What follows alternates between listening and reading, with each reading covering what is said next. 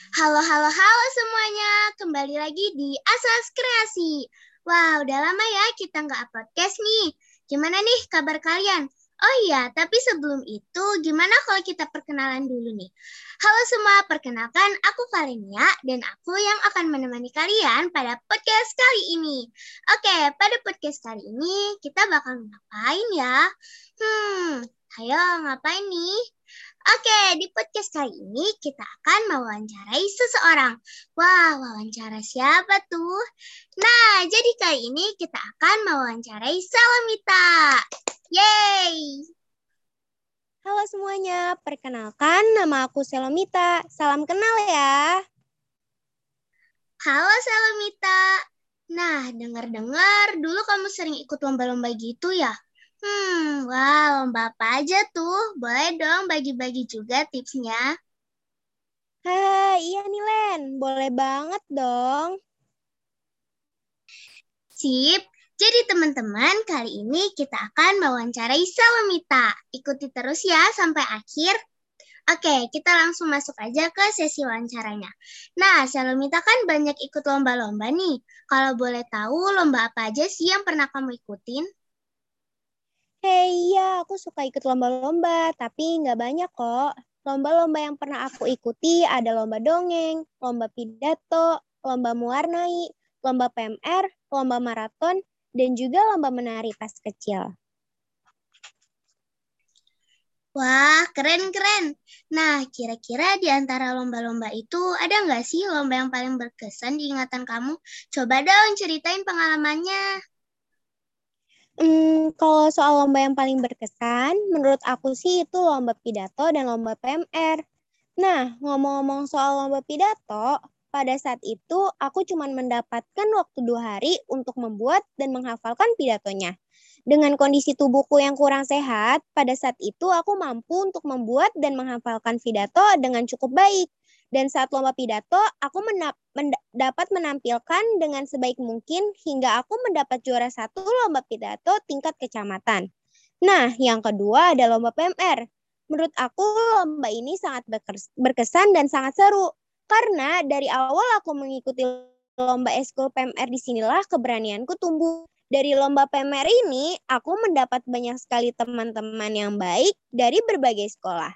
Apalagi pada saat acara Jumbara PMR 2019 di Bumi Buperta Perkemahan Cibubur. Kenangan itu yang paling gak bisa aku lupain. Hehe. Dan pada saat itu sekolah aku menjadi juara satu PMR terbaik mewakili kontingen Jakarta Utara. Wah, mantap, mantap. Nah, jadi aku penasaran nih, di antara lomba-lomba itu, lomba apa aja sih yang udah pernah kamu menangkan? Ceritain dong. Menurut menurutku dalam sebuah perlombaan pasti ada menang dan juga ada kalahnya. Gak semua lomba yang aku ikuti menang kok, hehe. Lomba-lomba yang pernah aku menangi pertama kali banget itu ada lomba menari, namun itu berkelompok pada saat 2015 di Cibubur mendapatkan juara satu. Nah, yang kedua ada lomba mewarnai Drawing High Law School 2017. Aku mendapat juara dua tingkat SD. Yang ketiga ada lomba maraton tahun 2018 tingkat RW dan aku mendapat juara ketiga. Yang keempat lomba PMR. Nah, lomba PMR ini ada yang berkelompok, ada juga yang individu. Pada saat itu, aku dan sekolahku membawa pulang empat piala dari lima lomba pada tahun 2019 tingkat kota Jakarta Utara. Gak lama dari itu, selang satu bulanan, aku mengikuti lomba PMR lagi tingkat provinsi DKI Jakarta mendapatkan juara dua di bidang kepala merahan. Setelah mengikuti lomba-lomba, ada camping bersama dari anak Hansa Plus. Di sana juga banyak lomba-lomba yang seru loh. Dan saat bulan Oktober 2019, aku mengikuti acara lomba Jumbara PMR.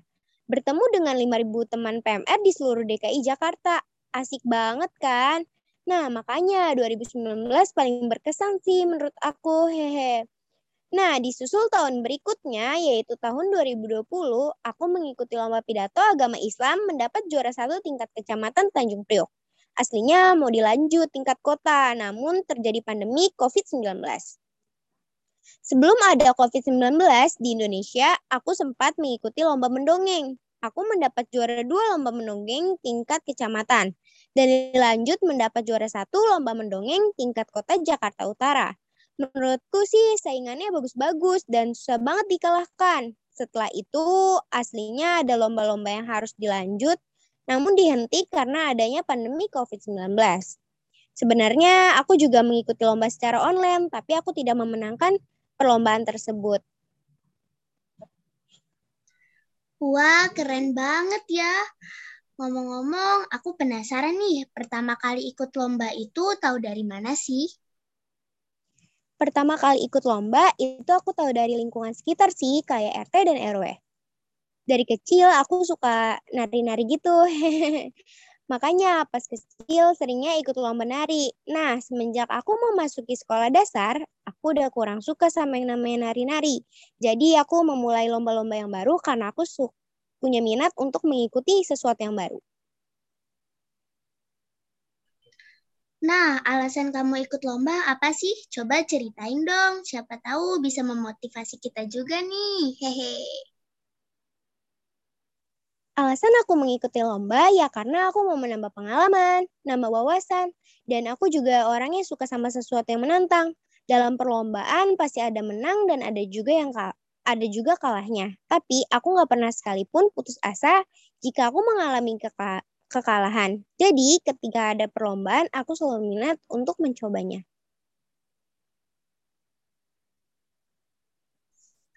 Ih, mantap. Ngomong-ngomong, Sel, biasanya kamu latihan itu secara otodidak atau diajarin seseorang sih? Nah, Len, dari semua lomba yang pernah aku ikuti, ada yang otodidak, ada juga yang diajari oleh seseorang. Tapi aku tipe orang yang lebih senang belajar atau latihan dengan otodidak. Tapi aku juga butuh seseorang untuk melihat aku masih banyak salahnya atau sudah benar. Wah, sekalian nih tips dan trik sebelum lomba apa sih? Kasih tahu dong.